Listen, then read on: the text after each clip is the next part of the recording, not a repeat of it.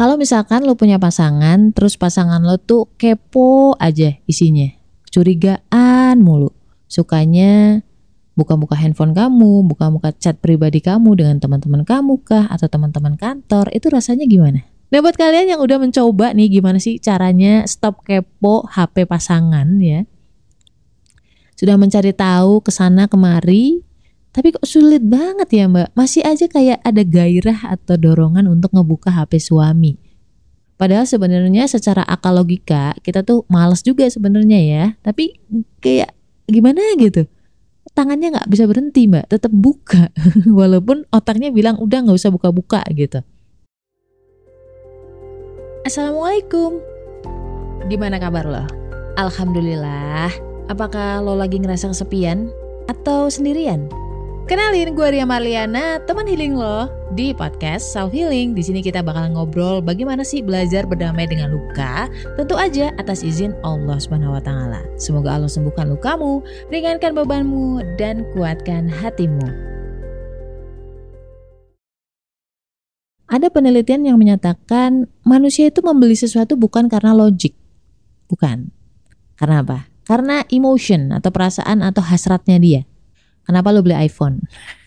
Ayo, ada yang bilang gengsi, ya kan? Ada yang bilang, ya gue merasa lebih keren aja mbak ketika gue bawa iPhone.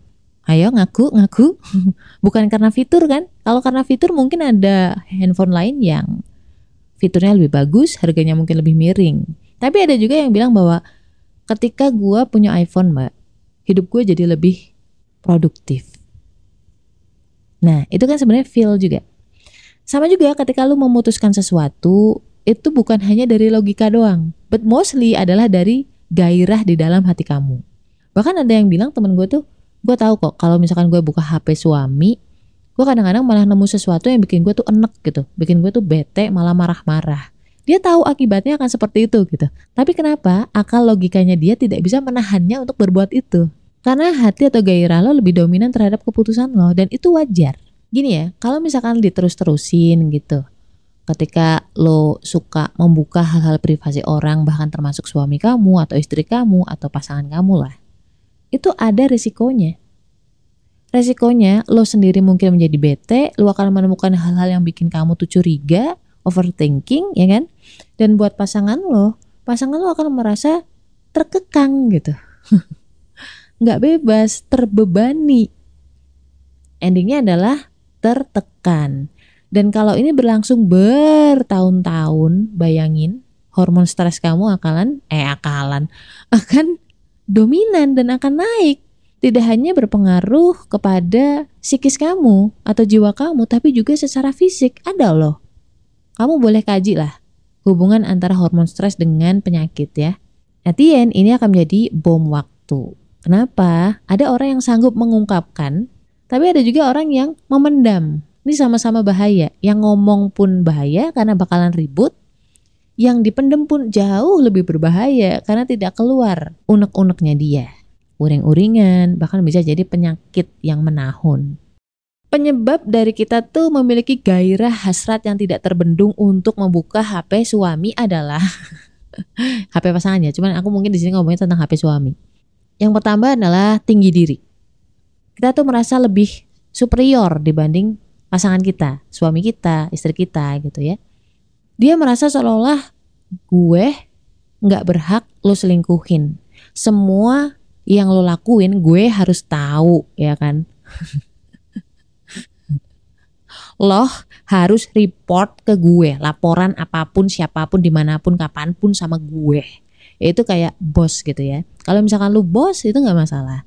Bos pun di kantor itu juga report atau kita laporan untuk hal-hal tertentu aja di waktu-waktu tertentu aja untuk hal-hal tertentu aja. Lu bayangin ketika pasangan lo itu lebih bosi daripada lo kita tuh wajib lapor sama dia gitu. Kebayang nyaman gak sih? Kan nggak. Kayak lo nggak punya privasi. Ya gue mewakili orang-orang yang dikepoin ya. Itu apa ya tinggi diri sombong yang overdosis menurut gue.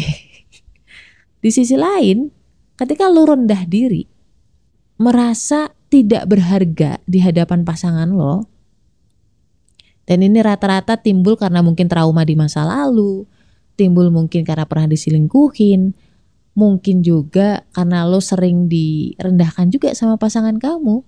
Akhirnya kamu merasa bahwa, duh gue beruntung banget ya dapat suami kayak dia gitu.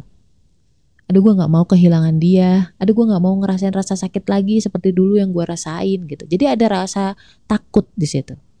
Takut yang berlebihan, ya sama-sama lah endingnya. Sama-sama ada perasaan takut. Yang tadi yang pertama dia takut untuk harga dirinya itu kecentok, kecentok lagi. Harga dirinya itu kesenggol, lu nggak nganggap gue ada gitu kan. Atau yang rendah diri ini takut untuk merasakan sakit, takut kehilangan, sama-sama takut atau was-was yang overdosis. Kalau misalkan lo sering ngikutin podcast gue atau misalkan lo mungkin belajar tentang psikologi Islam akan menuju atau mengarah ke Al-Qur'an dan juga hadis. Kita sepakat ya, sepakat bahwa yang namanya was-was itu datangnya dari setan. Betul. Jadi setan itu ngebisikin kita melalui jalur nafsu. Masih nggak percaya? Kamu bisa buka Al-Quran surat An-Nas ya, surat seribu rokaat. Jadi kalau kita sholat tuh isinya uh, surat An-Nas, Al-Ikhlas, Al-Falaq. Dari kejahatan bisikan setan yang biasa bersembunyi, yang membisikkan kejahatan dalam hal ini adalah was-was atau kekhawatiran ke dalam dada manusia. Karena tadi ya yang namanya was-was kekhawatiran yang berlebihan itu datangnya dari setan, baik setan jin dan manusia gitu ya. Maka yang bisa melawan itu semua tuh bukan kita. Kenapa? Karena kita pertama nggak ngelihat setan. Kedua, setan lebih tahu kita dibanding kita sendiri, oke? Okay? Dan setan memang bertujuan untuk membuat lo berantem sama suami lo atau pasangan lo. Yang bisa ngebantu kita, yang bisa ngelindungin kita itu adalah Allah. A'udzubillahi minasyaitonirrajim. Aku meminta perlindungan kepada Allah dari setan yang terkutuk ya. Jadi memang sebenarnya Allah tuh bukan menyuruh kita menghadapi setan, enggak. Allah menyuruh kita untuk mengingat Allah, untuk meminta perlindungan kepada Allah. Caranya gimana, Mbak? Coba, ini cobalah rutinkan antara zikir pagi, zikir petang, zikir setelah sholat. Lalu, sholawat minimal banget itu 10 kali, bagus lagi 100 kali. Yang pendek-pendek aja dan kamu juga bisa searching fadilah dari salawat. Di psikologi Islam yang gue pelajarin, kita kan sebenarnya ada dua penasehat ya, dua penasehat itu kolbu sama nafsu. Dua ini nggak bisa duduk di kursi yang sama. Mana yang lebih dominan, itu yang bakal didengerin oleh hati lo. Ketika lo jarang sholawat, lo jarang zikir gitu ya, itu yang mendominasi adalah corong nafsu. Corong nafsu itu corong corongnya setan yang ngebisikin kamu dengan kekhawatiran-kekhawatiran itu gitu. Lalu kalau misalnya lu sering bersolawat, si corong nafsu ini geser nih dari kursi yang tadi.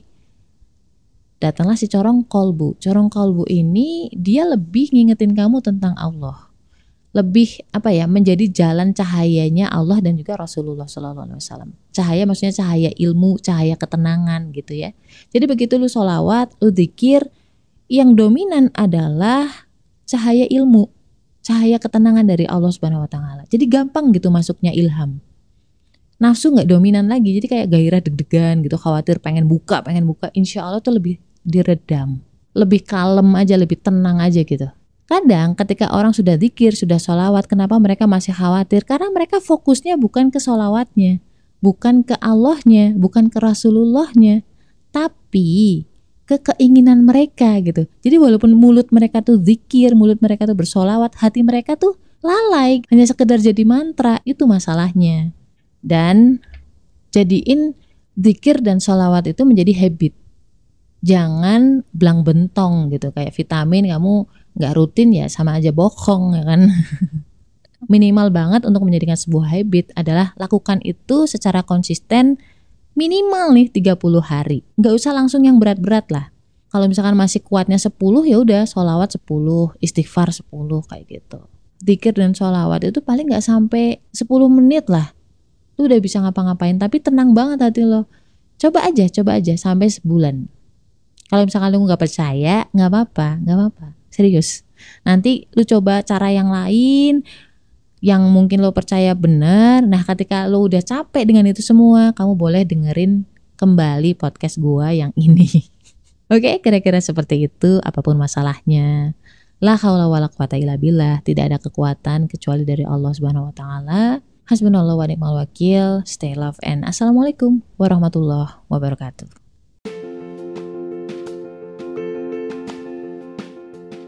Kenapa sih golongan darah B itu pelupa? Susah banget ingat nama. Orangnya juga cuek, nggak pekaan, nggak perhatian. Kenapa coba? Bedah itu semua dari buku cerita tentang karakter golongan darah B dengan judul Beauty in a Beast. Order sekarang Link di bio ya.